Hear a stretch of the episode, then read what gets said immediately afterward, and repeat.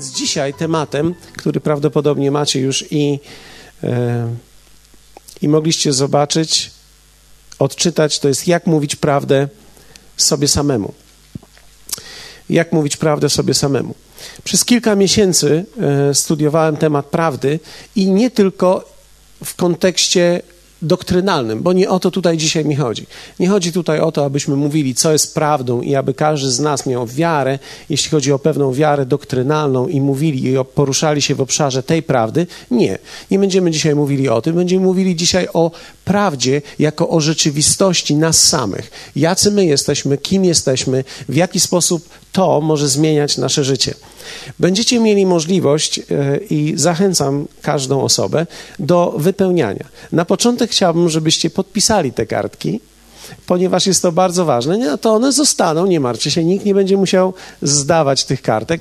Chciałbym tylko, żebyście je podpisali, przynajmniej imieniem, jeśli to, jeśli nazwisko jest problematyczne.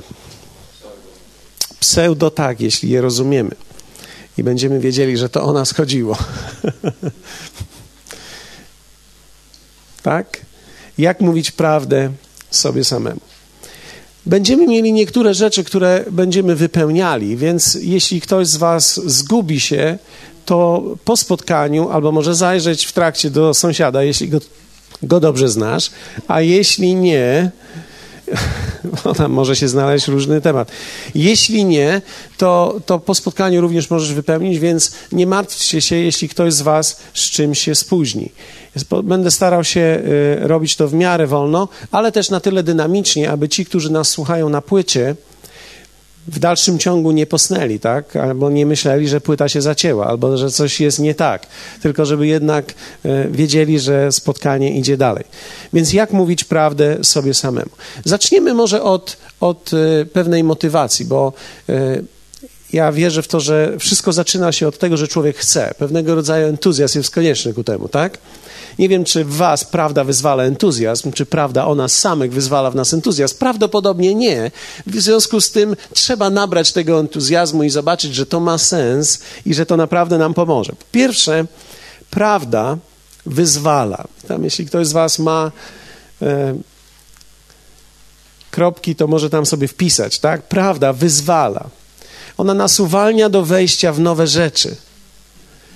Prawda ma zdolność uwolnienia nas ku nowym rzeczom. Czyli ignorancja zatrzymuje mnie. Im mniej wiem, tym gorzej żyję. Wiecie, to wcale nie podnosi jakości wiedzy, dlatego że można również się edukować w wielu rzeczach i w dalszym ciągu mieć słabe życie. Chodzi o to, aby moja wiedza o mnie, o świecie rosła proporcjonalnie, abym dowiedział się o sobie maksymalnie dużo, dlatego że z sobą będę żył. Ja jestem do obsługi samego siebie, tak? Twój umysł, im więcej wiesz o sobie, tym lepiej rozumiesz, jak funkcjonujesz i prawda na swój temat prawdopodobnie uaktywni cię lepiej. To jest troszeczkę tak, jakbyś podszedł do urządzenia, którego nie znasz. Im mniej wiesz na temat urządzenia, tym mniej możesz je użyć. Nie wiem, czy ktoś z Was kiedyś oglądał na Discovery, jest, są programy cykliczne, jak to jest zrobione. E, dzisiaj po południu akurat leciał taki program, e, jak budowana jest żarówka. I to jest bardzo ciekawe, jak wiele urządzeń jest połączonych do tego i jak wiele mechanizmów jest stworzonych w tym, żeby stworzyć jedną prostą żarówkę, która wypuszcza się co 12 minut. To jest bardzo ciekawe, ale wiecie, człowiek jest o wiele bardziej złożony niż żarówka. Człowiek nie tylko świeci. Tak? Człowiek ma wiele funkcji, człowiek jest o wiele bardziej złożony i poznanie siebie, prawda o sobie, to nie jest tylko rzucanie sobie wyzwań, ale przede wszystkim to mnie wyzwala, dlatego że poznając siebie wiem, jak uruchamiać rzeczy, wiem, jak zatrzymać rzeczy w sobie, wiem, jak zmotywować siebie, wiem, jak zatrzymać, jak ukierunkować siebie, wiem, w jaki sposób siebie motywować ku czemuś dobremu, wiem, jak jestem rozpraszany, znam swoje słabości, słabości, znam swoje silne strony. To jest bardzo ważne. Każdy człowiek powinien chcieć wiedzieć coś o sobie. Więc prawda wyzwala, prawda zmienia stan. Więc tam mamy słowo które wpisujemy, zmienia. Zmienia nasz stan, urzeczywistnia sytuację. Ona staje się pewną prawdą dla nas obiektywną. Czyli widziałem coś w jakiś sposób, dowiaduję się o sobie i nagle zmienia się wszystko. Kiedy widzę siebie inaczej, wszystko się wokół mnie zmienia. Prawdopodobnie wspomnę o tym troszkę później. Prawda urealnia, odsuwa iluzję, tak? Czyli wiecie, ludzie, którzy nie przyjmują prawdy o sobie lub też nie poznają siebie i nie edukują siebie, żyją w pewnego rodzaju iluzji. Myślą, że są jacyś, a wcale tacy nie muszą być. I wiecie, tak jak może być to przyjemne, bo może być to przyjemne. Moja opinia o mnie w pewnych sferach może być bardzo przyjemna dla mnie. Ale jeśli to nie jest prawdą, to jest iluzja, prawdopodobnie nie będzie to działało w moim życiu z wyjątkiem tego, że da mi to przyjemność. Wyobraźmy sobie, jeśli kobieta myśli, że jest piękna, weźmy taką rzecz. Ostatnio oglądałem taki program Rozmowy w toku. Dużo telewizji oglądam, prawda? Rozmowy w toku. I tam e, pokazane były kobiety, które myślą, że są modelkami, ale nie są. I modelka, która była w tym programie, powiedziała im, że wiecie, jeśli któryś już menadżer mówi, że się nie nadajesz, to się nie nadajesz.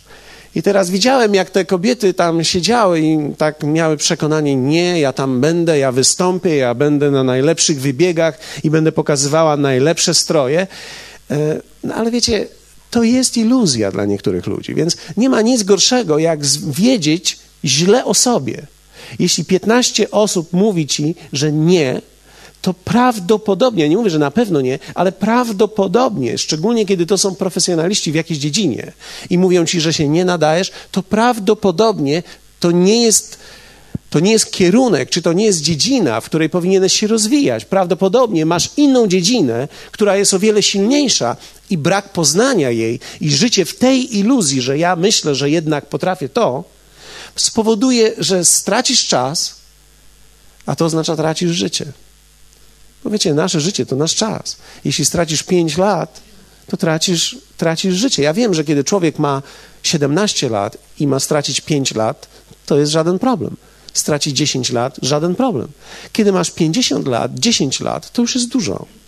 Wtedy ten czas idzie szybciej, ale mierzysz go inaczej.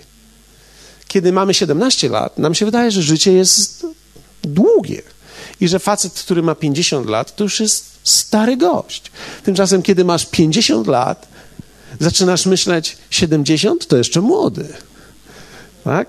Wiecie, zmienia się perspektywa, ale my nie mamy tak dużo czasu. Więc jeśli my żyjemy w iluzji, to tak naprawdę okradamy nasze życie.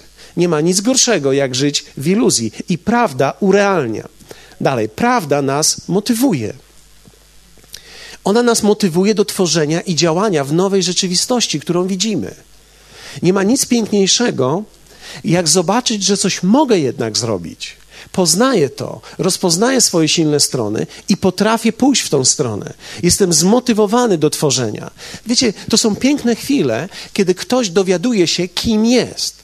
Na przykład e, pamiętam rozmowy jeszcze z Arturem, kiedy, kiedy, wiecie, to jest podróż życia, dowiedzieć się, kim jestem, jakim jestem, jak myślę.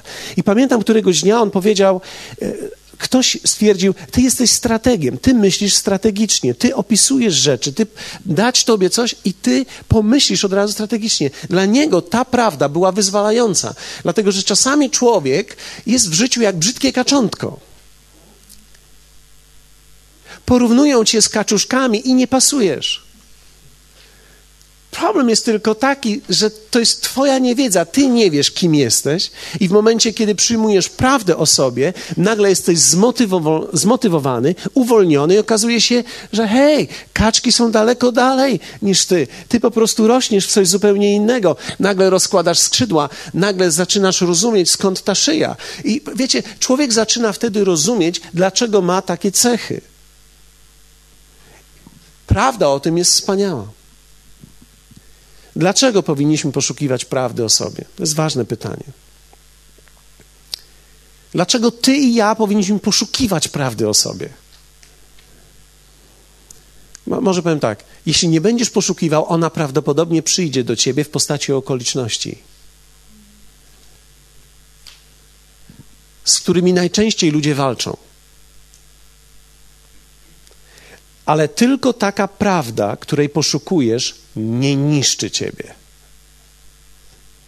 Wiecie, kiedy ktoś mówi, a my nie chcemy, żeby do nas mówił, czujemy się zranieni. Kto z Was lubi rozmowy pod tytułem Słuchaj, muszę Ci powiedzieć prawdę o Tobie? Nikt z nas nie czuje wtedy, wow, czekałem na to bardzo długo, powiedz mi, co myślisz. Raczej wtedy włączamy wszystkie w sobie mechanizmy obronne. Nie chcemy tego słyszeć. Nikt z nas nie chce, gdy nie jest szczególnie gotowy, gdy relacja nie jest usta ustabilizowana, ukształtowana i gdy szczególnie my nie jesteśmy na to przygotowani, usłyszeć prawdy na nasz temat.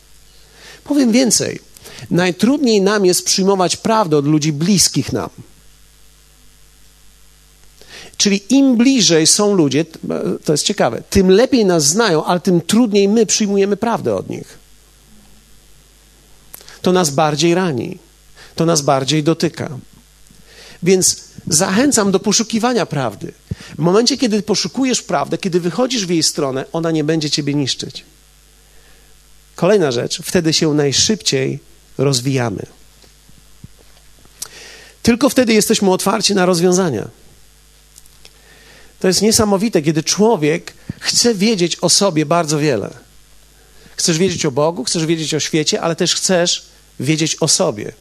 Kim jesteś, jaki jesteś, jakie są Twoje cechy, z czym możesz zawalczyć, a z czym nie warto walczyć. Są pewne rzeczy, z którymi dzisiaj nie warto walczyć.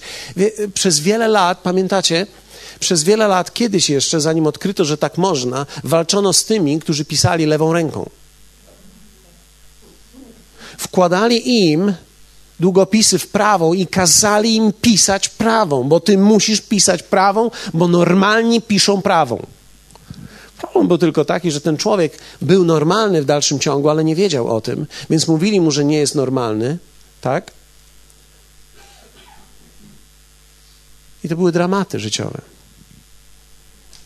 Wtedy najszybciej się rozwijamy. Tylko wtedy jesteśmy otwarci na rozwiązania.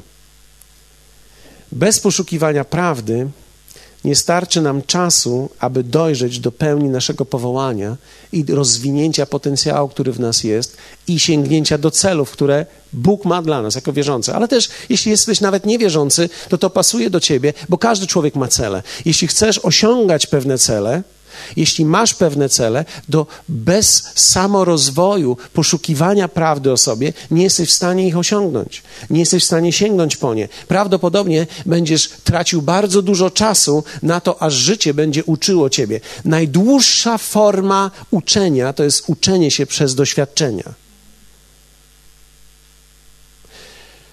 Najlepsza forma uczenia się to jest uczyć się z doświadczeń innych. Czyli im szybciej słuchasz, tym lepiej dla ciebie. Im szybciej zaczynasz słuchać, tym lepiej dla ciebie.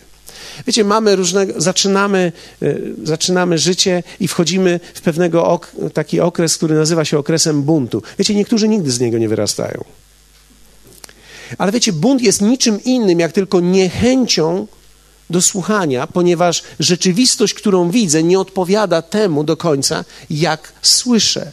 Czyli ludzie, którzy mi opisują, sami mają problemy, sami mają wady i tak dalej. Ale prawdopodobnie ci, którzy będą cię uczyć, będą mieli wady i będą mieli problemy, tylko w życiu trzeba zobaczyć, że nie ma ludzi doskonałych i ci, którzy nas uczą, mogą mieć problemy.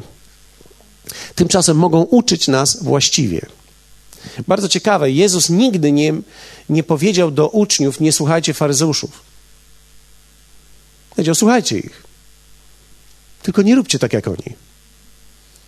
Inaczej mówiąc, czerpcie wiedzę nawet od ludzi niedoskonałych, poszukujcie rozwiązań, ale nie czyńcie tak jak oni. Więc tylko wtedy najszybciej się rozwijamy. Dalej. Tylko wtedy czujemy radość z życia. Prawda odkryta przez nas samych daje nam radość, bo widzimy przyszłość. człowiek, kiedy odkrywa sam siebie i odkrywasz w sobie coś wyjątkowego, lub też nawet odkrywasz coś złego. Ja ostatnio e, miałem okazję rozmawiać z naszym teamem w biurze i, i, co jakiś czas zdradzam im moje tajemnice i niedawno zdradziłem im parę moich rzeczy, które Bóg mi pokazał, negatywnych o mnie. I ktoś może powiedzieć, o, to nie jest takie przyjemne, ale wiecie, kiedy ja zobaczyłem, jakie rzeczy negatywne są we mnie, straszliwie się ucieszyłem. Nie, że one są, tylko że teraz, kiedy ja lwa już widzę, to ja sobie z lwem poradzę. Najniebezpieczniejszy lew to jest taki, którego nie widzisz, a cię kąsa. Więc kiedy nagle potrafisz dostrzec swoją słabość, potrafisz ją określić, naz nazwać ją, to budzi w tobie entuzjazm, dlatego że nagle masz wroga, którego widzisz. Najtrudniej jest walczyć z zawiązanymi oczami psalmie, e, pozwólcie, przeczytam parę fragmentów, bo myślę, że one są genialne. Zresztą Słowo Boże ma odpowiedź dla wszystkich ludzi, wierzących i niewierzących. Psalm 15, 1, 2. Panie, kto przebywać będzie w namiocie Twoim? Kto zamieszka na Twej górze świętej?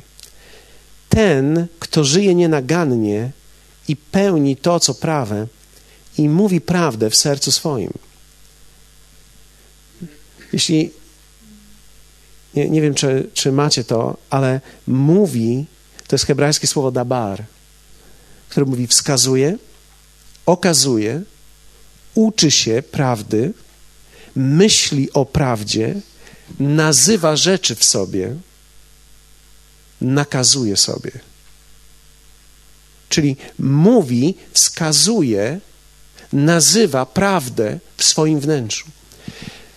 Dawid mówi w ten sposób: Kto wchodzi na górę, kto sięga zwycięstwa, kto sięga szczytów życia, kto, kto wypełnia powołanie, kto sięga potencjału, który jest w nim? Ten, kto potrafi nazwać rzeczy w sobie po imieniu. Ten, kto potrafi powiedzieć do siebie, jak naprawdę rzeczy się mają. Piękne, prawda? Wiecie, kiedy Dawidowi było źle, kiedy było mu bardzo ciężko. Ja często cytuję Dawida, dlatego że Biblia określa Dawida jako, jako osobę o wyjątkowym charakterze, o tego, który ma wyjątkowe serce. Dawid bardzo rzadko obwiniał ludzi. To jest wielka cecha. To jest cecha rozwojowego człowieka. On rzadko kiedy obwiniał ludzi za swój stan i za sytuację, w której się znalazł. Więc kiedy było mu źle, Psalm 43 mówi tak: Bądź sędzią moim Boże i rozstrzygnij spór mój z narodem bezbożnym. Wybaw mnie od ludzi fałszywych i niegodziwych, ponieważ Ty jesteś Bogiem moim, ostoją moją, dlaczego mnie odrzuciłeś? Dlaczego mam chodzić smutny, gdy nieprzyjaciel mnie dręczy? Nie bał się mówić, jak jest. I werset trzeci mówi tak: Ześlij światło i prawdę swoją. Niech mnie prowadzą. Dokładnie hebrajskie to słowo mówi: Niech mnie wyprowadzą. Niech mnie poprowadzą z miejsca, w którym się w tej chwili znalazłem. Czyli Dawid mówi tak: Jest mi źle, jest mi bardzo ciężko, jest mi bardzo trudno w życiu, ale nie będę obwiniał ludzi. Ludzie są jacy są. Natomiast to, czego ja potrzebuję, to jest Twojego światła, Twojej prawdy, bo wtedy wyprowadzisz mnie z tego miejsca, w którym się znajduję. Niech wprowadzą, niech mnie wprowadzą na górę Twoją świętą i do przybytków Twoich. Moglibyśmy powiedzieć, niech, wprowadz, niech ta prawda i to światło wprowadzi mnie na szczyt życia. Wtedy przystąpię do ołtarza Bożego, do Boga wesela i radości mojej i będę Cię wysławiał na cytrze, Boże mój. Czemu rozpaczasz, duszo moja, i czemu drżysz we mnie? Ufaj Bogu, gdyż jeszcze sławić Go będę. On jest zbawieniem moim i Bogiem moim. Czyli w tej trudnej sytuacji Dawid mówi, Twoja prawda, prawda, którą rozświetlisz we mnie, której ja poszukuję, ona mnie wyprowadzi z tego miejsca i znowu będę się cieszył, znowu będę pełen entuzjazmu, znowu będę otrzymywał te wszystkie rzeczy, instrukcje od Ciebie i znowu poczuję znowu wiatr w życiu. Genialne. Dawid zakotwiczył to w prawdzie i powiedział: To prawda jest tym, co mnie wyzwoli z tego miejsca, w którym się znajduję. Wiecie, nasza niepewność, frustracja, poczucie odrzucenia, porażki, odsunięcia od ludzi, poczucie bycia samotnym jest konsekwencją życia w niedoskonałym świecie, ale przede wszystkim w kłamstwie na swój temat.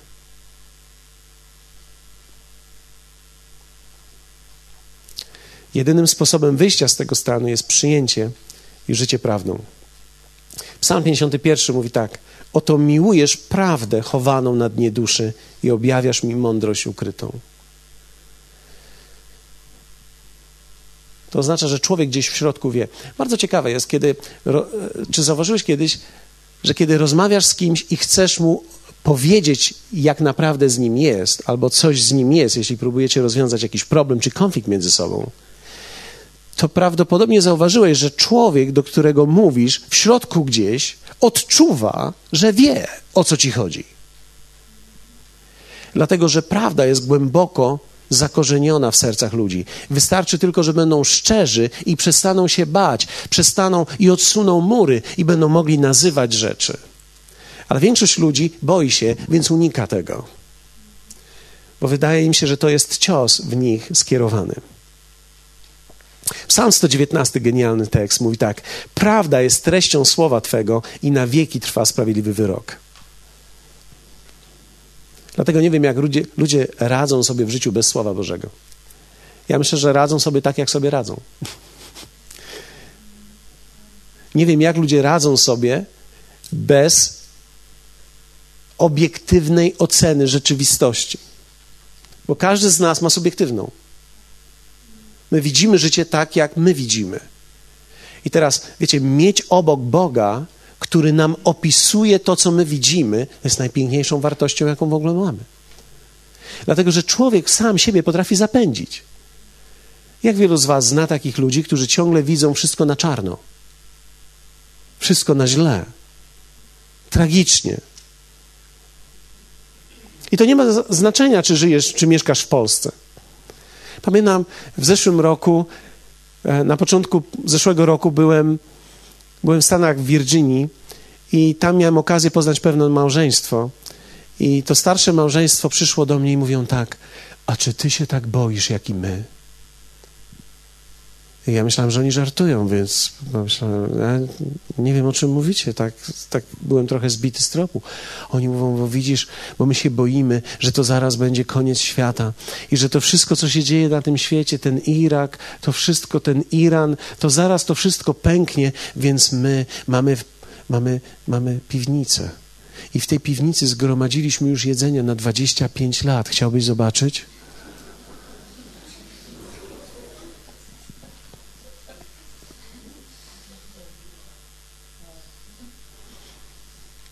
Wiecie, niektórzy z nas zastanawiamy się, jak przeżyć kolejny miesiąc, a niektórzy ludzie w tym czasie odłożyli na 25 lat jedzenia.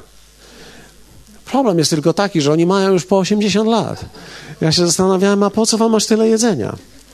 Wiecie, e, są ludzie, którzy widzą tak świat. E, teraz Aneta jest w Australii i tam e, ma rodzinę. To jest bardzo ciekawe. Oni prawdopodobnie nigdy nie dostaną tej płyty, więc mogę o tym powiedzieć. Ale część jej rodziny żyje w strachu, że coś się tam będzie działo. I pytają jej, e, jakie buty kupić sobie najlepiej do ucieczki przed Iranem. Szukają butów w sklepach, które są najlepsze do ucieczki. Waldka, prawda? Ja myślę, że myślę, że całą Australię byłbyś w stanie za, byś tam bliżej kierował. To jest Chin prosto tam do Australii. Po co do Europy je ciągać? Ale wiecie, są ludzie, którzy patrzą na rzeczywistość tak i prawdopodobnie każdy z nas, niekoniecznie posądzeni jesteśmy o czarnowictwo, e, ale, ale wielu ludzi widzi życie tak. Oczywiście, że można pójść w drugą stronę i być całkowitym, e, żyć w całkowitej iluzji braku odpowiedzialności. I żyć w drugą stronę. Hej, życie to jest jedna wielka zabawa. Co, w co bawimy się dzisiaj? No życie nie jest prawdopodobnie ani jednym, ani drugim, jest gdzieś po środku, a ta rzeczywistość jest fantastyczna, okazana w Słowie. Bardzo ciekawa rzecz, zobaczcie. W Ewangelii Jana w 8 rozdziale, w wersecie 40 Jezus mówi tak. Lecz teraz chcecie zabić mnie, człowieka, który wam mówi prawdę, którą usłyszałem od Boga. I mówi tak: Abraham tego nie czynił. Bardzo ciekawy tekst. Jezus mówi tak: Abraham nie zabijał tych, którzy mu mówili prawdę o nim. Abraham nie zabijał ich. Co mówi, że cielesność w nas, albo te mechanizmy obronne, nazwijmy tą cielesność mechanizmami obronnymi, bo to tak naprawdę to są mechanizmy obronne. Mechanizmy obronne będą starały się za wszelką cenę odsunąć prawdę od nas, o nas samych. Będą zaporą, przez którą trzeba będzie się przebić, i to będzie Twoja praca. Nikt oprócz ciebie nie przebije się przez twoje własne mechanizmy obronne. Żaden człowiek przez to nie przejdzie. Tylko ci, którzy mają upartych mężów lub żony, wiedzą o tym. Że żaden człowiek nie jest w stanie nacisnąć na drugiego człowieka. Może być to szantaż, możesz próbować różnych sztuczek, to nie zadziała. Jak się ktoś uprze, to nie przyjmie. Zgadza się? Wszyscy tacy jesteśmy. Jesteśmy w pewnym sensie w naszej niezależ niezależności uparci i nie chcemy przyjmować prawdy o nas samych. Nasze mechanizmy obronne stoją zawsze przeciwko prawdzie i chcą ją zabić. Gdyż ona jest sprzeczna z kilkoma rzeczami, i możecie teraz zapisać, bo jest sprzeczna z naszymi założeniami. Każdy z nas, żyjąc, ma pewne założenia. Dostaliśmy dzisiaj fantastyczną wiadomość. Kolejna osoba z rodziny Asi i Zosi oddała swoje życie Jezusowi, mieszka w Warszawie i dowiedziałem się, że w tą niedzielę, właśnie przed chwileczką, poszli po raz pierwszy do kościoła w Warszawie. Żona jeszcze nie jest nawrócona i ten i, i, on mówi do mnie: módlcie się o moją żonę, ponieważ wierzymy w to, że będzie nawrócona. Ale bardzo ciekawa jest też historia nawró- jego nawrócenia. Ja nie znam, y, nie znam szczegółów, ale dowiedziałem się o jednej rzeczy, że wiecie, e, dostał dobrą pracę. E, zaczęli żyć jako młodzi ludzie. Jednym słowem, high life, Warszawa, wykształcenie, wszystko dobrze, wszystko idzie fantastycznie. I nagle długo oczekiwane dziecko, które się rodzi, rodzi się chore rodzi się chora i ma nieuleczalną chorobę. I nagle w jednym momencie życie zmienia swój paradygmat. Zmienia wszystko, cokolwiek myśleli. Myśleli, że życie, mieli założenia, że życie jest po prostu świetne. I życie jest cenne, jest wartościowe, ale nie jest bajką. To nie jest pasmo zwycięstw i lukrów. Wystarczy tylko żyć trochę dłużej, że dostajesz parę ciosów. Nie każdy z nas dostaje tego typu cios, ale każdy dostaje cios. Każdy z nas.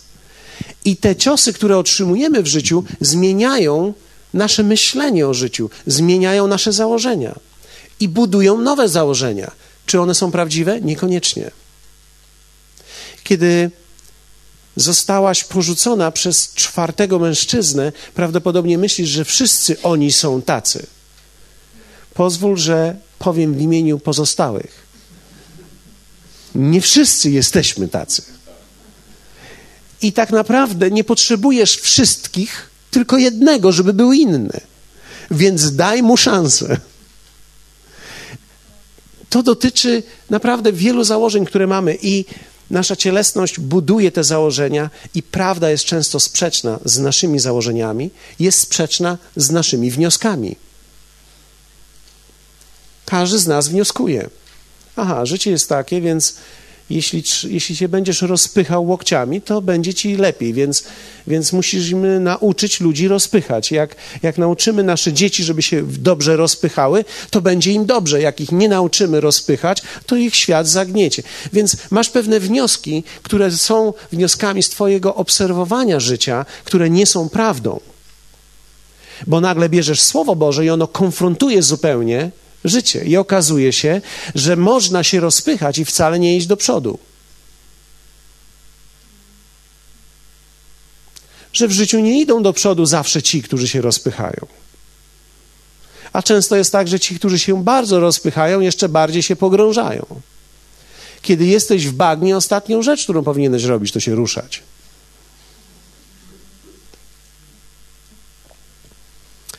Cielesność zawsze stoi przeciwko prawdzie, przeciwko poprzednimi naszymi doświadczeniami. Czyli tam mamy słowo, które możemy wpisać, jest sprzeczna z poprzednimi doświadczeniami. Nasze mechanizmy samoobrony stoją przeciwko naszej własnej samoocenie, czyli swoja własna ocena, nasza samoocena. Wpisujemy samoocena.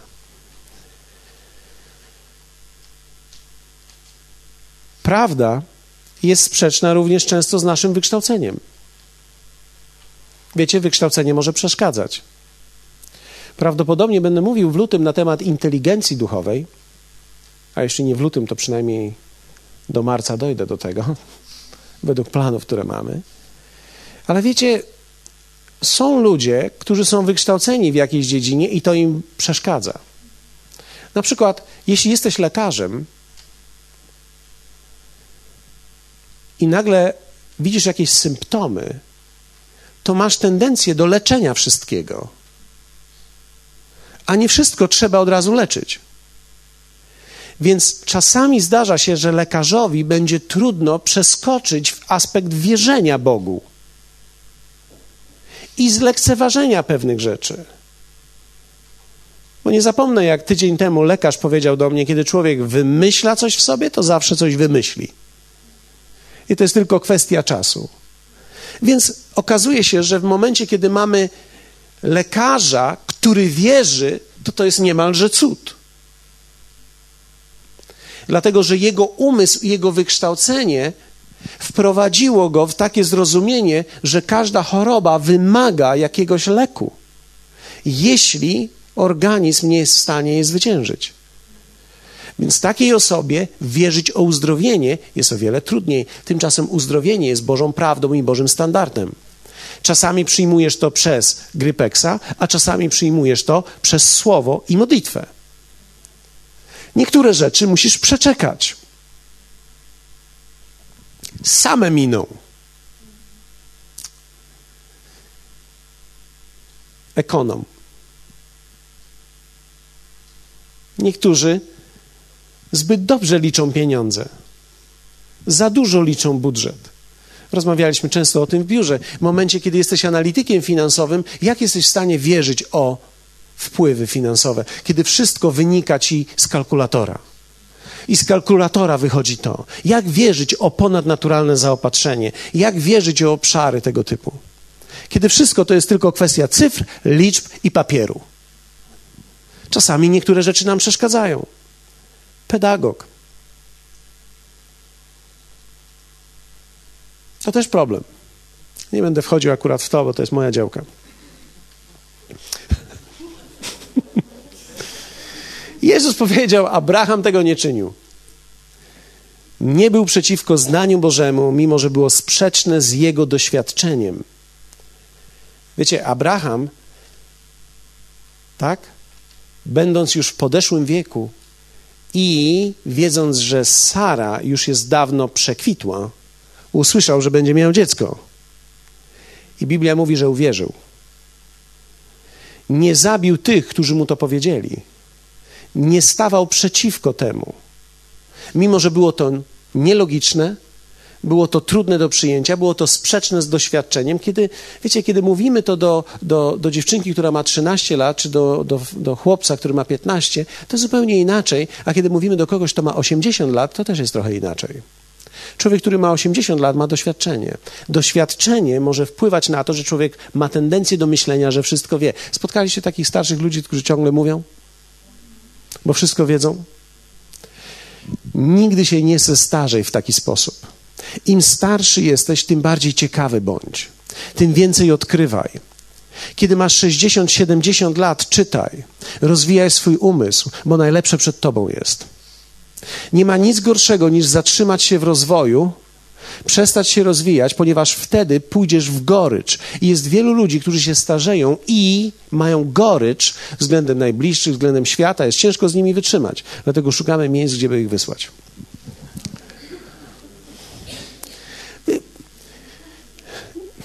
Ok. Nie zawsze wysyłamy ich ze względu na to, że są chorzy i nie potrafimy się z nimi nie, zająć. Czasami jest tak, że nie możemy z nimi wytrzymać. Więc prawda nie musi być logiczna. Logika operuje tylko w jednym wymiarze. Logika obejmuje tylko jeden wymiar, więc w momencie, kiedy działasz tylko w obszarze fizycznym i nie rozumiesz, że istnieje również aspekt duchowy, to nie jesteś w stanie przyjąć tych rzeczy. I prawda, która jest uniwersalna, łączy w sobie dwa wymiary, dlatego logika nie zawsze działa. Nie chcę powiedzieć, że każde Słowo Boże jest wbrew logice, ale chcę powiedzieć, że zdarza się, że Bóg mówi do nas pewne rzeczy, które nie są logiczne dla nas. Niektórzy chrześcijanie jednak popadają w zupełnie inny rów. Im bardziej logiczne, tym mniej Boże, więc szukają wszystkiego, co ma mniej sensu i mniej jest logiczne. Nie wiedzą, co tu robią, po co tak żyją i dlaczego tak funkcjonują. Ale to dla nich nie ma znaczenia, bo chodzi o to, żeby to było Boże, a nie logiczne. Wiecie, to jest pewien rów, którego ja nigdy nie chciałbym, żeby ktoś z Was się znalazł. Logika operuje w jednym wymiarze, więc jeśli założymy, że włożymy tą logikę w kolejny wymiar, to te dwie logiki mogą się znosić nawzajem. Dobrze, jak mówić prawdę sobie samemu? Więc zakładam, że jej poszukujesz. Zakładam, że wszyscy, którzy przyszli tutaj, poszukują, pragną. I zakładam, że podejmiesz odpowiedzialne działanie związane z nową rzeczywistością, którą zobaczysz i którą nazwiesz. O, wymyślam sobie w tej chwili, jak to będzie wspaniale Twojej żonie, kiedy Ty zaczniesz poszukiwać prawdy o sobie. Jaką staniesz się wspaniałą żoną kiedy, e, dla swojego męża, kiedy zaczniesz poszukiwać prawdy o sobie.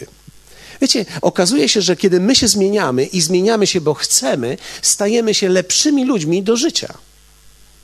Więc to nie tylko zmienia nasze życie, ale również zmienia życie ludzi, którzy z nami są. Łatwiej się żyje z człowiekiem, który poszukuje prawdy o sobie. Jak mówić prawdę? Pierwsze, odważnie i pozytywnie. Więc zacznij od pozytywnych prawd o sobie. To jest bardzo ważne. Wiecie, okazuje się, że aby przyjąć prawdę, tak samo trudno nam jest przyjąć prawdę pozytywną o nas, jak i negatywną. Nie chcę dzisiaj porównywać, bo to zależy jednak od układu człowieka, którą łatwiej, ale nie jest nam prosto poradzić sobie ani z komplementami, ani z zarzutami. Czyli w momencie, kiedy słyszymy komplementy, czujemy się dziwnie, Chyba, że jesteś kobietą i ktoś ci mówi, ładnie wyglądasz, ale to nie jest bardzo wzruszające. Chyba, że jest, masz taki nastrój, ale ja nigdy nie byłem kobietą, więc nie wiem, jak to jest. Ale zacznij od pozytywnej prawdy o sobie. Dobrze, więc teraz napisz trzy pozytywne cechy, które według siebie posiadasz. Trzy. Bardzo szybko. Raz, dwa, trzy. Piszemy. Trzy pozytywne cechy, które ty według siebie posiadasz. Zobaczcie, niektórzy z Was już w tej chwili mają trudność z napisaniem tego. Nigdy nie myślałem o tym, niektórzy myślą. Nie wiem, jak to jest. A niektórzy piszą i mówią: Mam sześć, siedem, osiem. Jak to zmieścić w jednej? Podpowiedz sąsiadowi. Trzy pozytywne cechy, które wiesz, że masz, które są Twoje, które należą do Ciebie. No nie muszą być biblijne. Tak? Więc nie musisz poszukiwać teraz cytatów ani fragmentów. możesz normalnie po ludzku napisać, jak jest.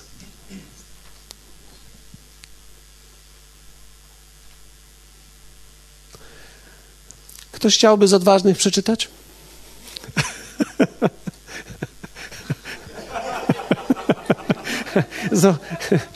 Myślę, że Beatka by chciała przeczytać. Zobaczcie, zobaczcie, zobaczcie, jaka jest reakcja. To celowo robię, ja celowo podnoszę i tak, ja celowo to robię, ja często to robię, prawda?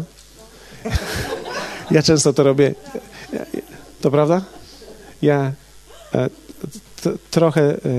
Apostoł Paweł mówi, że trzeba wybaczyć trochę jemu różnych rzeczy, a mi sadyzmu prawdopodobnie. Więc ja, ja się znęcam nad niektórymi ludźmi, a im bliżej ktoś jest mnie, tym bardziej się nad nim znęcam.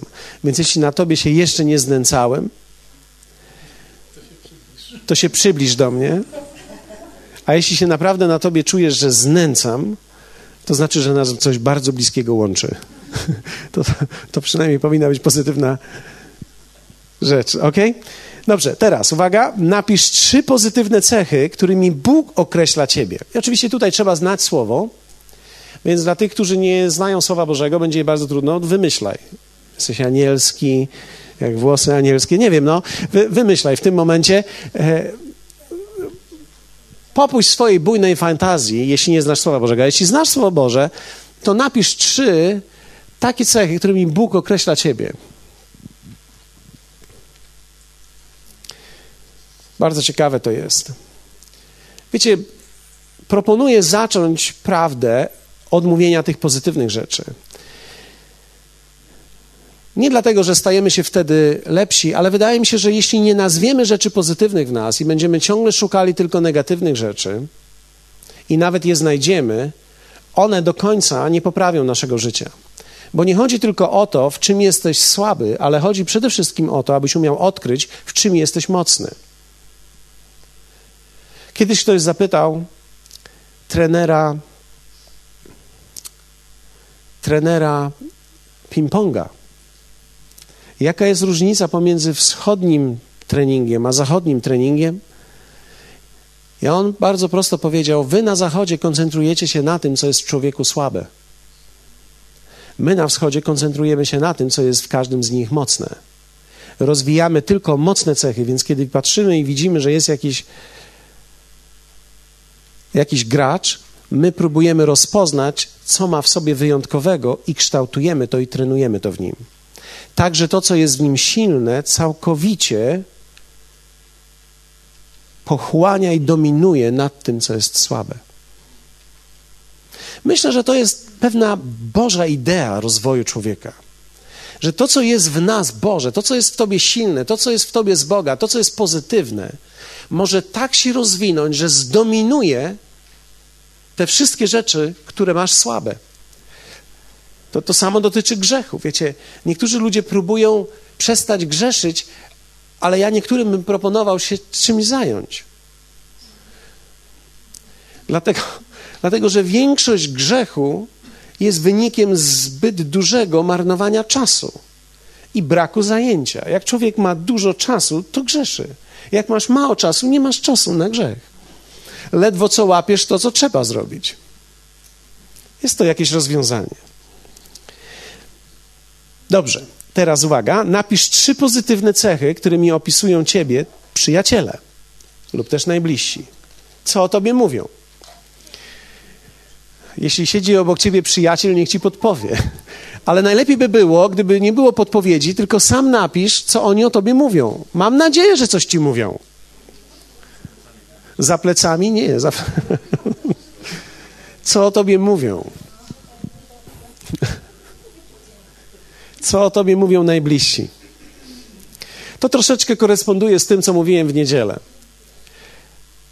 Prosiłem Boga w tym roku, żeby poprawił moje mówienie. I ja nie miałem na myśli tylko i wyłącznie mojego sposobu głoszenia, bo prawdopodobnie będzie się poprawiać. Ale dajcie mi szansę. Ale przede wszystkim mówienie do ludzi pozytywnych cech, które mają. Wyrażanie tego pozytywnego, co do nich czuję, czy co widzę w nich. Jak wspaniałymi ludźmi są jak wspaniałe rzeczy robią, nawet te małe. Wiecie, małe, nie, niezauważone rzeczy potrafią być naprawdę wielkie. Dobrze. Czy według Ciebie to, co napisałeś, mam nadzieję, że mamy już, tak? Skończyliśmy. Czy według Ciebie to, co opisałeś, jest prawdą? Podkreśl, tak lub nie. No, oczywiście, że tak. Ale jeśli masz wahanie, jeśli pisałeś, że to jest tylko tak, no. Napisz teraz, chwila prawdy, uwaga. Napisz nie. Wszystkim gratuluję, którzy powiedzą, bajerowałem te trzy razy tutaj. Podkreśl właściwe. Teraz, bez zbudowania tożsamości w Chrystusie, zawsze będziemy mieli tendencję do samopotąpienia lub też drugą stronę arogancji. Więc tak naprawdę to, kim jesteś, najlepiej jest określane, kim się staliśmy w Bogu. I, i tutaj znowu, e, nie wiem, jak ludzie sobie z tym radzą. bez Boga, mogę powiedzieć tylko jedno: widziałem wielu ludzi, którzy sobie nie radzą bez Boga. Czy widziałem, którzy sobie nie radzą z Bogiem? Tak, to są młode wilki. Wszyscy młodzi wierzący nie radzą sobie z tym. Ale dojrzali wierzący, kiedy dojrzewają prawidłowo, zaczynają sobie z tym radzić i staje się to fundamentem i filarem ich życia. Fantastyczne. Dobrze. W jaki sposób mówimy prawdę do siebie? Drugie, analizując siebie. Zrozumienie siebie jest kluczem w mówieniu sobie prawdy. Ja muszę analizować siebie i rozumieć siebie. Niewielu ludzi zastanawia się nad sobą. Wielu ludzi zastanawia się nad sobą w przyszłości, co będę robił, jaki będę wielki i jaka będzie wielka scena, na której wystąpię. I z kim bym chciał śpiewać, albo z kim bym chciał pracować, albo ile bym chciał zarabiać. Wiecie, większość ludzi wyobraża sobie te wszystkie rzeczy. Oczywiście w postępie wieku zaczynasz mniej rzucać się na te marzenia, bo zaczynasz widzieć, że aż tak bardzo daleko nie zajdziesz. Co jest również efektem najczęściej złych doświadczeń, a nie wiary w Boga. Więc też nie polecam, bo to oznacza, że rodzi się w tobie cynizm, a on nigdy nie jest Bożą wolą. Więc zrozumienie siebie jest kluczem w mówieniu sobie prawdy. Wiele cech negatywnych wynika z przebalansowania cech pozytywnych w nas. Więc często, ja pamiętam, e, ktoś kiedyś mi powiedział, że jeśli się kogoś nie da zatrzymać, to trzeba go pchnąć. Komuś, kto jest skoncentrowany na jednym zadaniu, sposób, żeby zniszczyć go, to jest dodać mu kilka innych.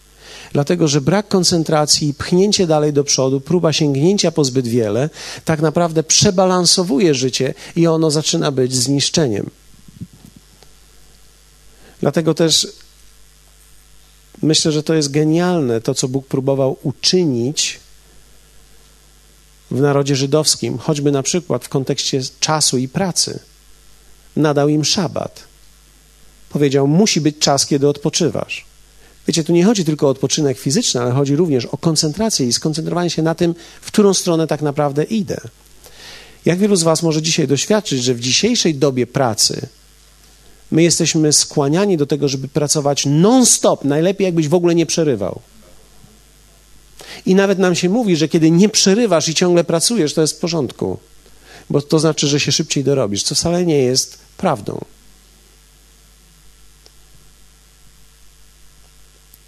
Więc dobrze, jak możemy to mieć przebalansowane? Wrażliwy może stać się nadwrażliwy.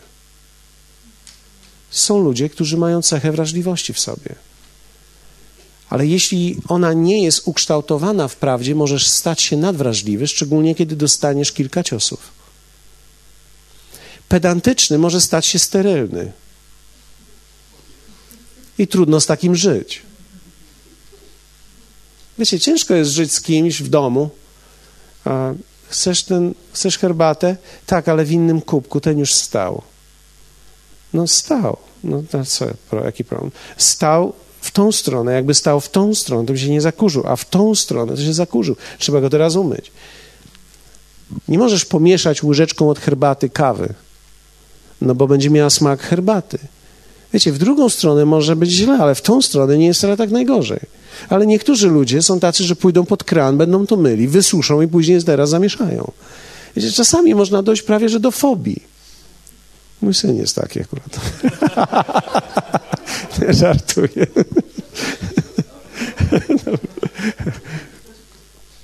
Czasami chodzę po biurze, wypiję sobie herbatę i, i, i, dzisiaj zrobiłem kawę rano i najpierw mówię, ale super kawa, zrobiłem sobie taką espresso, malutką kaweczkę i tak ją posłodziłem. Wiecie, po włosku zrobiłem ją, taką kawę, że jak wypijesz jedną, śpiewasz o sole mio. I, I, to nie jest bajka, ja to widziałem w Wenecji. Facet przy mnie wypił taką małą kaweczkę, później wypił drugą, stanął i zaśpiewał o sole mio. To jest prawda. Ja myślę, że po tym się śpiewa sobie. Ja więc zrobiłem taką kaweczkę i, i moja córka mówi, to ja spróbuję, to spróbuję. Asia, to ja spróbuję. I siedzi Batka, ja mówię, to chcesz łyka? No i ona mówi, oczywiście, że nie, prawda? Tej Batce nie proponowałem, to była Batka Klim, ona też nie chciała. Ale wiecie, są ludzie, którzy nie wezmą ani gryza, ani łyka, ani nic. I, I teraz oczywiście, że nie chodzi o to, żebyśmy my sobie tutaj wszyscy teraz jeden kielich podali i z jednego kubła pili, ale jeśli w domu są takie sytuacje, czasami pewna cecha, którą masz, może stać się tak naprawdę fobią. Są ludzie, którzy sprzątają ciągle, ciągle dla nich jest brudno. Nikogo nie zapraszają, ale ciągle sprzątają. Nie, to nie było do was. ale, rzeczy, ale rzeczywistość jest taka, że może być tak. Ja pamiętam, jak myśmy wybudowali dom i wiecie, wszystko się świeci, wszystko się świeci. Jak wszystko się świeci i masz 140 metrów świecenia, to nagle widzisz tą plamkę, która się nie świeci. Biegniesz za tą szmatką i zaczynasz to wycierać. Za chwilę wpada watacha psów i, i masz później więcej do wycierania. I wiecie, w którymś momencie rzucasz tą szmatę i mówisz tak, a raz w tygodniu będzie się świeciło, a poza tym już nie. W pewnym sensie człowiek musi odpuścić, ale mamy tendencję, jeśli masz szczególnie taką, jeśli chcesz coś wszystko mieć poukładane, są ludzie, którzy układają wszystko nawet jak już było ułożone. Ja nie mówię, że tacy jesteśmy. Mówię, że może się taki człowiek znaleźć. I nie ma problemu, gdy on jest sam. Gorzej jest z takim żyć. Nie tylko, że on sprząta. On, gdy jest odpowiedzialny za utrzymanie czystości i wszystkich innych goni. Dlatego, że każdy z nas ma inne standardy czystości. Zauważyliście to? W naszych własnych domach? Nasze dzieci widzą, że jest czysto, a my mówimy, że jest brudno? Ja wchodzę do, do, do moich dzieci i one mówią, jest wszystko dobrze. I ja pytam Oliwii, mam zajrzeć do szafy? Ona mówi, do szafy? Nie. więc, więc, więc każdy z nas ma inne poczucie czystości. Dla niektórych czysto jest wtedy, kiedy się o nic nie potykasz, a dla niektórych szafa z tyłu musi być odkurzona po wszystkich rzeczach i dopiero zawiesza tam rzeczy, bo, bo musi być tak czysto, prawda? A niektórzy, jak można przejść, to już jest czysto. Mamy różne standardy i w tym momencie, jak siebie nawzajem oceniamy. Kiedy masz koszulę powieszane w ten sposób, i ktoś przyjdzie i ci jedną wyciągnie i przesunie i wstawi marynarkę pomiędzy te koszule, nagle jest problem. Prawie że rozwód. Dalej. Można mieć cechę taką, że masz swoje zdanie, lubisz mieć swoje zdanie. I to jest wszystko dobrze, ale to może prowadzić cię do miejsca, w którym jesteś uparty. Człowiek, który ma zdanie, który, który ceni sobie to, że w, pewnym momencie mam jakieś o czymś zdanie, nagle stajesz się uparty. Z upartym człowiekiem ciężko jest żyć. Są też tacy, którzy ciągle dążą do pokoju, żeby tylko było dobrze. I to jest w porządku. Myślę, że to jest wspaniała cecha. Ja lubię być z takimi ludźmi, którzy zawsze chcą, żeby było dobrze. Tylko, że to może prowadzić cię do życia w kompromisie. Bo czasami trzeba powiedzieć, dobrze nie jest. I to jest w porządku. Miłosierny może stać się niekonsekwentny. Czyli kiedy ludzie są tacy, którzy mają niesłychane miłosierdzie w sobie, ciągle pozwalają na coś, ciągle pozwalają. Problem jest, kiedy jesteś rodzicem i jesteś miłosierny. I teraz masz dziecko, o, on ma dopiero 37 lat, on sobie, on sobie w życiu poradzi, synuś, nie martw się, nie martw się, nie martw się.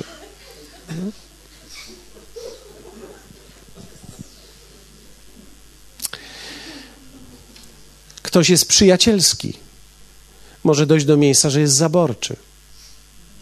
Ja chcę być Twoim przyjacielem. Nie mam żadnych przyjaciół. Będziesz moim przyjacielem? Większość z nas nie chce takiego przyjaciela. Nie mam przyjaciół, wszyscy mnie porzucili, bądź moim jedynym przyjacielem. To brzmi niedobrze. To brzmi niedobrze. To brzmi niedobrze. Masz SMS-a trzy razy dziennie. Co robisz? Myślisz o mnie? Cześć. Jak się masz? Nic od ciebie nie chcę, tylko tak. Nikt jest, że po co piszesz? Wiecie, czasami są tacy ludzie, zdarzą się ludzie w waszym życiu, którzy was zmęczą. Są tacy ludzie, którzy chcą być przyjacielscy i zawsze u was siedzą. Mogę przyjść do ciebie? Dobrze. Sześć godzin. Ty, ty pierzesz, prasujesz, a oni mówią. To jest co, ja muszę na chwilę wyjść do sklepu. Nie ma sprawy.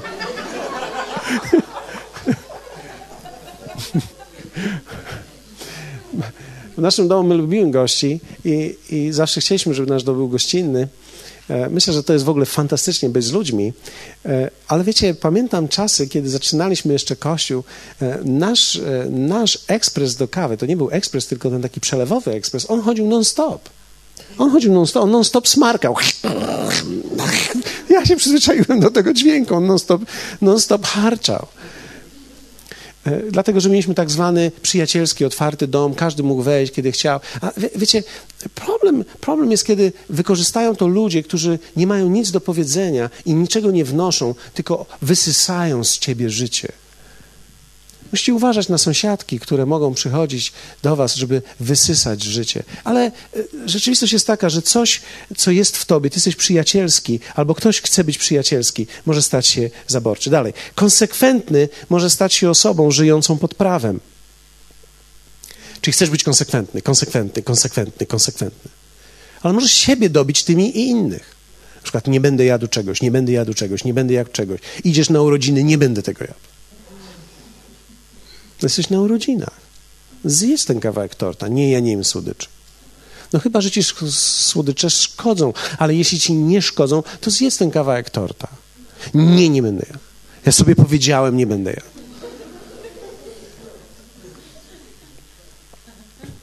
Żyjesz pod prawem. Nie wiem, czy ktoś z Was ma takie tendencje. Ja mam kilka takich. Pamiętam, jak zacząłem biegać. Zacząłem biegać 5 lat temu. Brałem te trampki ze sobą wszędzie. Gdziekolwiek jechałem, wschód, zachód, południe, Albania, Afryka, nie ma znaczenia, jadę. Buty, pierwsze co pakuję. Jedziesz taki kawał buty. Do hotelu, pierwsze co pytam, czy jest siłownia. Pamiętam, niedawno byliśmy w Czechach i byliśmy w super miejscu, ale siłowni nie było, więc było bardzo zimno. Poszedłem biegać. Zmarzłem jak nie wiem co. I na zdrowy rozsądek człowiek nie powinien tego zrobić. No ale wiecie, ja chcę być konsekwentny. Więc musiałem się z tym zderzyć i powiedzieć sobie: hej, czasami musisz sobie odpuścić. Czasami wygląda to na chore. Ja mam akurat takie tendencje, bo boję się odpuścić w drugą stronę, dlatego że jestem z takich ludzi, że jak sobie odpuszczam znowu, to już odpuszczam sobie w ogóle. No proszę, jeszcze drugi talerz bigosu, żaden problem, 12 pierogów, żaden problem. Wiecie, ja mogę odpuścić sobie drugą stronę, więc żeby nie, to, to odpuszczam sobie, to nie chcę odpuścić. Jestem tak konsekwentny, że aż jestem pod prawem, pod prawem, że wszyscy się ze mnie śmieją w moim domu. Ostatnio w moim domu po, powiedziałem, zacząłem śpiewać, panie, otoczyli mnie sami wrogowie moi. Ale rzeczywiście tak jest, że ci ludzie wnoszą też zdrowie, ponieważ można żyć pod prawem. Maksymalista, jeśli masz tą cechę, to jest dobrze, lubisz rozmach, to jest wspaniałe, ale może nie być wytrwały i niewierny w małych rzeczach. Czyli są ludzie, którzy lubią robić wielkie rzeczy i, nie, i chcą zrobić tylko wielkie, a na małe nie mają czasu. Zgadnij, jeśli nie masz czasu na małe, to nigdy nie zrobisz wielkiej. Nigdy, absolutnie nigdy, bo życie najpierw sprawdza nas w małych i przygotowuje nas na większe. Więc są ludzie, którzy mówią: Ja nie będę pracował. Za tysiąc nie będę pracował. W życiu tam za tysiąc. Kto by tam się zgiął za tysiąc? Ja jak już będę pracował, to za dwadzieścia pięć. No i co teraz robisz? Nic. Aktualnie nic. To, ale jak zrobię, to widzisz, ty musisz wiedzieć, że szanse na taką muchę i uderzenie jej baseballem są niewielkie. I niektórzy żyją w tej iluzji i myślą, że po prostu teraz nic nie robię, ale pewnego dnia, jak już zrobię, to będę Rockefeller. Okej. Okay. No dobrze, więc teraz pójdźmy dalej i wypisujemy. Jaka wada sprawia ci w twoim życiu najwięcej problemów? Wypisz szybko. Raz. To są jedna, jedna. I pod spodem mamy napisane, jakie jest jej źródło.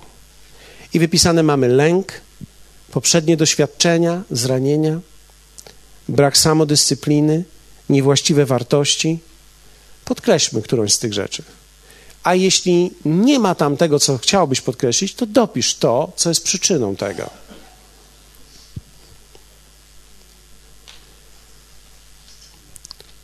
Analizujemy siebie. Wiecie, człowiek mówi prawdę do siebie poprzez analizę siebie w kontekście wyższym.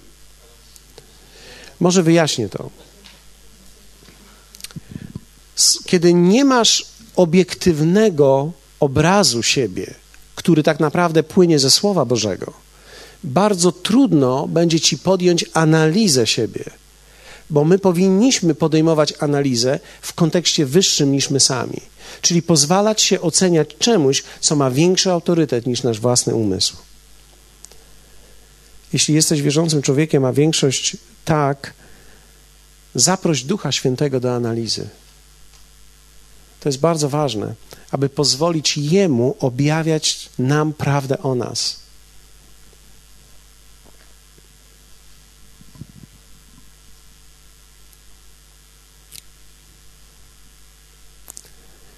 Jeśli pozwolicie na małą dygresję, mamy jeszcze kilka punktów, ale one pójdą nam dosyć sprawnie.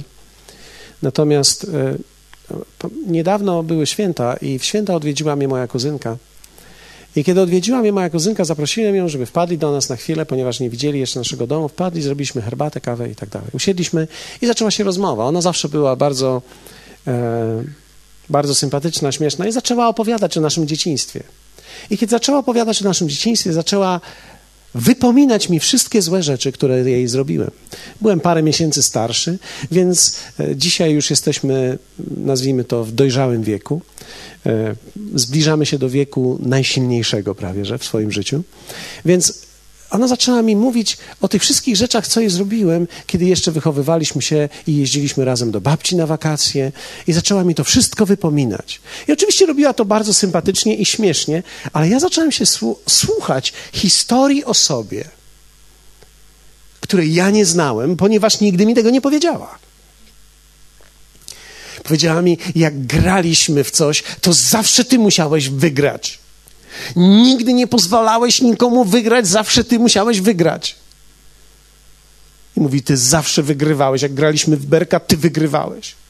Jak bawiliśmy się w chowanego, ty zawsze wygrywałeś. Nie zapomnę tych twoich oczu, które wytrzeszczałeś z kukurydzy. Ty patrzyłeś na mnie, ja patrzyłam na ciebie i, i ty, ja nie wiedziałam, że to jesteś ty i tak się wystraszyłam i ty mnie wtedy nastraszyłeś i uciekłeś i znowu wygrałeś. Zawsze byłeś taki, musiałeś zawsze wygrywać.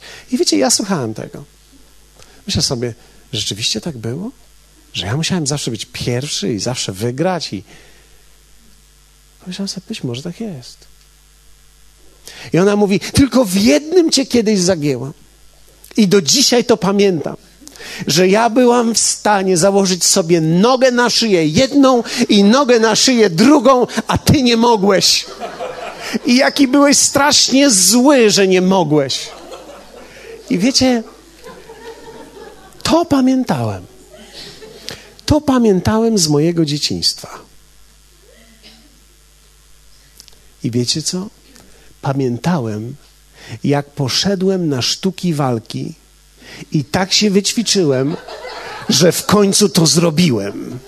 Jej tam nie było, ale dla, dla niej sam to zrobiłem. I wtedy doszła do mnie pewna prawda o mnie, że z powodu mojego poczucia odrzucenia, mechanizmy moje obronne doprowadzały mnie do tego, że ja chciałem wygrywać zawsze, żeby tylko nie czuć się gorszym.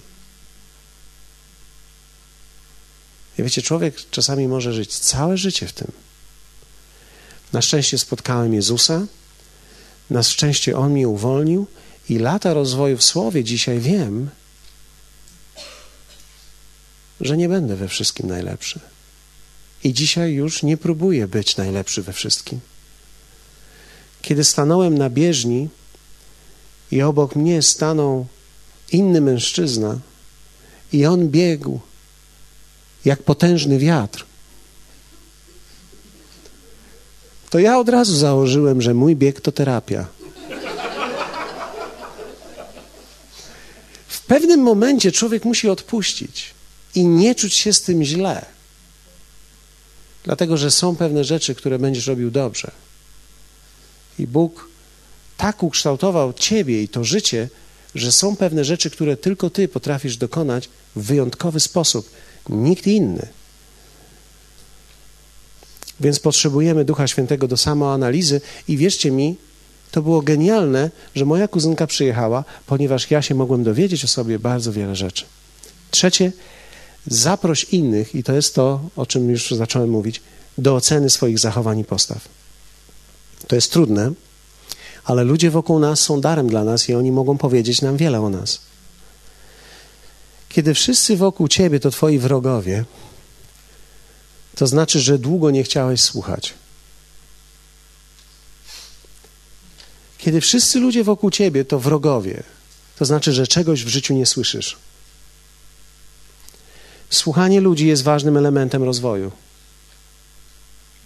Bardzo ważne. Potrzebujemy ludzi, którzy mówią do nas. Mało tego, potrzebujemy poprosić ludzi, żeby mówili do nas o nas.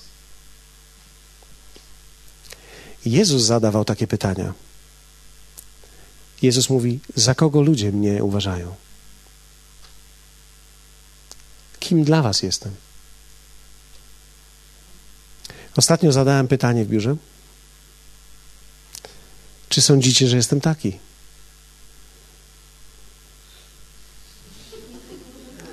I, I po tym, że zaczęli liczyć lampy, wiedziałem, że dywagują w sobie, czy powiedzieć mi prawdę, czy nie.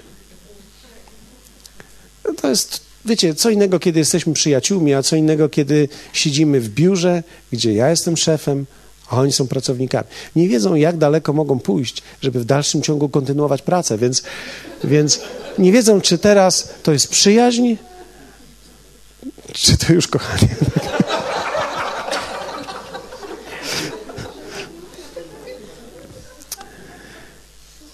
Pozwalamy Bogu określać nas, a ludziom formować nas. Czyli niech Bóg mówi, jacy jesteśmy, a niech ludzie formują nas w tym kształcie. Jeśli Bóg cię określa, a ludzie nie formują, stajesz się karykaturą chrześcijańską.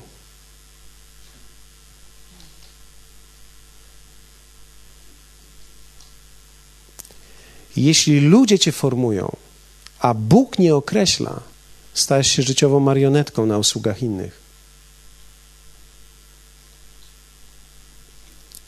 Jeśli ludzie cię określą, to Bóg nie będzie ciebie formował. Bo Bóg nigdy nie będzie formował cię w coś, co nie jest Twoją prawdziwą tożsamością. Ucz się od wszystkich i słuchaj uważnie mądrych, szczególnie tych, co mają owoc. Kiedy ktoś, kto sobie z czymś radzi, mówi do ciebie sugestię, zadaj mu pytanie o nią. Kiedy powiedzmy nie radzisz sobie finansowo i masz długi, a ktoś wyszedł z długów, bo co innego, kiedy się urodził w rodzinie i, i nie ma długów, bo, bo mama jest bogata. Ale jeśli ktoś miał długi wyszedł z długów, a ty jeszcze nie wyszedłeś, sieć u tego człowieka dzień i noc. Bądź tym przyjacielem, który ciągle stuka. Bądź tą sąsiadką, która jest nadmiernie przyjacielska. Pozwól mu iść na zakupy, a ty dalej u niego siedź. Powiedz, ja posprzątam. Ucz się i szukaj, poszukuj. Poszukuj prawdy o sobie, o tym, co źle czynisz. To jest bardzo ważne. I teraz pytanie. Z kim rozmawiałeś ostatnio o swoich zachowaniach lub postawie? Podaj imię. Może? Oczywiście. Swoja. Swoja żona. Ale pod warunkiem, że pytałeś się o to, bo to jest bardzo ważne, bo, bo jeśli to jest żona, która ci ciągle mówi, jaki jesteś, to to, to się nie liczy. Tak? Tylko ty pytałeś. Masz kogoś, kogo pytasz.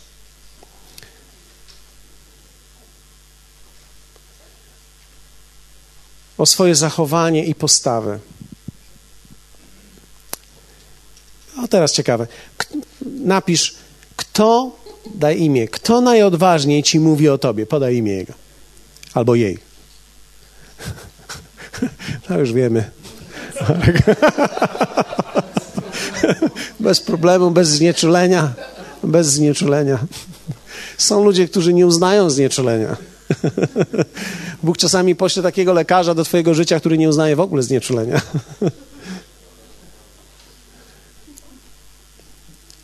No i dobrze, i teraz, co czujesz, kiedy słyszysz o sobie pozytywną uwagę?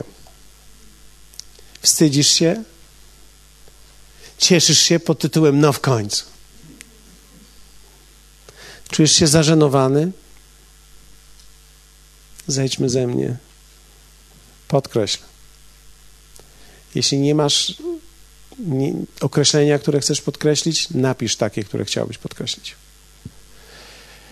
Zachęcam Was do zrobienia tych notatek i zachęcam Was do zachowania tych notatek, dlatego że z niektórych warsztatów, na których Wy będziecie obecni, będziecie mogli sobie tworzyć własną historię rozwoju. Do niektórych warto jest wracać.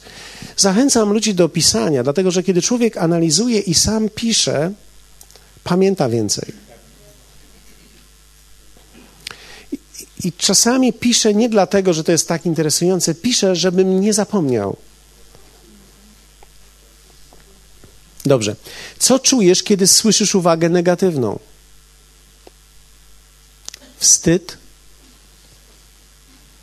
Złość? Masz chęć odwetu? Chcesz uciec? Czy też czujesz wdzięczność? Ale nie kłam, proszę cię, bo to jest. Warsztaty są o prawdzie.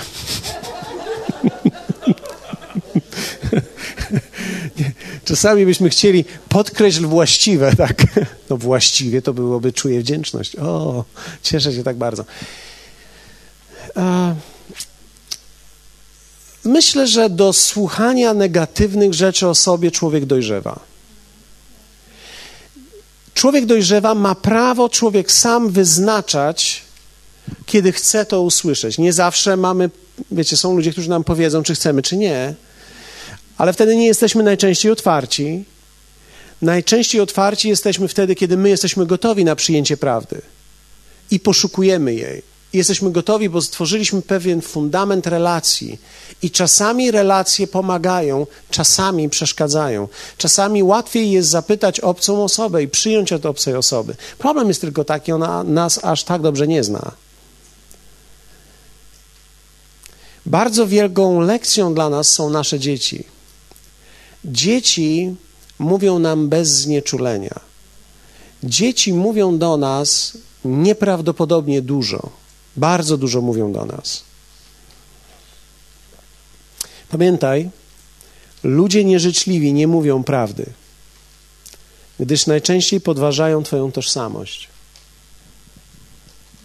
Jeszcze raz powtórzę. Ludzie Tobie nieżyczliwi nie mówią prawdy, bo podważają Twoją tożsamość. Więc jeśli ktoś jest nieżyczliwy Tobie, uderzy w Tobie, w to, kim jesteś, więc powie, jesteś podły. Wiecie, tak nie jest. Nie ma ludzi podłych. Są podłe zachowania. Więc można się podle zachować.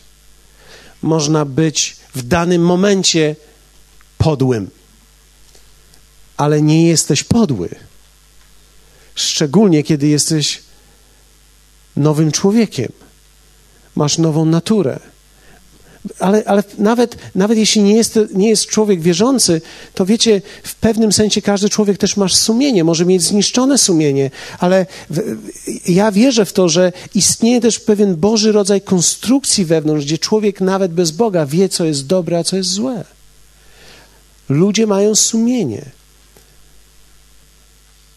Więc ludzie nieżyczliwi, uderzając w nas, często uderzają w naszą tożsamość, mówią nam, jacy jesteśmy. Nie słuchaj tego. Ucz się tego nie słuchać. Ale słuchaj ich opinii o tym, co zrobiłeś lub powiedziałeś. Ale nigdy kim jesteś albo jaki jesteś. Słuchaj natomiast ich opinii, co zrobiłeś lub co powiedziałeś bo to mogło być niemądre, albo to mogło być złe, albo to mogło być niewłaściwe. Każdy z nas może się niewłaściwie zachować. Przypowieści 13.1 mówią tak, mądry syn lubi karność, lecz szyderca nie słucha karcenia. Celowo tutaj e, wziąłem te teksty, które mówią o szyderstwie, dlatego że cynizmu i szyderstwa człowiek się uczy wraz z doświadczeniem życia. Negatywne doświadczenia sprawiają, że stajesz się szyderczy, zaczynasz być cyniczny, zaczynasz mieć w sobie apatię względem wszystkiego i dla ciebie przestają być rzeczy istotne, ważne i dlatego też słowo mówi, mądry syn lubi karność, lecz szyderca nie słucha karcenia, nie słucha niczego. Przyjęcie prawdy to jest mądrość. W przypowieści 9, 12 czytamy: Jeżeli jesteś mądry, to sam masz korzyść z tej mądrości. Jeżeli jesteś szydercą, to sam za to będziesz cierpiał. Ludzie, którzy są cyniczni, którzy są szydzący z różnych rzeczy, wartości innych ludzi i systemów, tacy ludzie najczęściej są na równi pochyłej w dół. Rzadko kiedy ludzie, którzy krytykują, rosną. Ludzie, którzy chcą rosnąć, najczęściej to, co mieliby skrytykować, się po prostu tym nie zajmują. Nie mają na to czasu. Jeśli jesteś pochłonięty krytyką, to prawdopodobnie się nie rozwijasz. No ale to nie jest do Was, to jest do tych może, którzy, których nie ma. Albo może i o nas czasami. Cynizm i umiejętność wyśmiania jest najniższą formą inteligencji. I szkoda ćwiczyć umysł w tej sztuce. Zwróciłem uwagę, że to jest również umiejętność rozwoju inteligencji w daną stronę, czyli podłapać coś, żeby wyśmiać szybko. Żeby coś, e, to, e, to jest nic, e, to jest nic, to słabe, to jest kiepskie. To jest najniższa forma inteligencji, która się rozwija w człowieku. Nie idź w tą stronę. O wiele łatwiej jest dostrzegać rzeczy negatywne. Trzeba wyższego poziomu, żeby dostrzegać pozytywne. Większość z nas potrafi natychmiast wyłapać negatywne strony dzisiejszego spotkania, niż wyłapać pozytywne. To jest o wiele trudniejsze. Ok, koniec. Możesz się uśmiechnąć.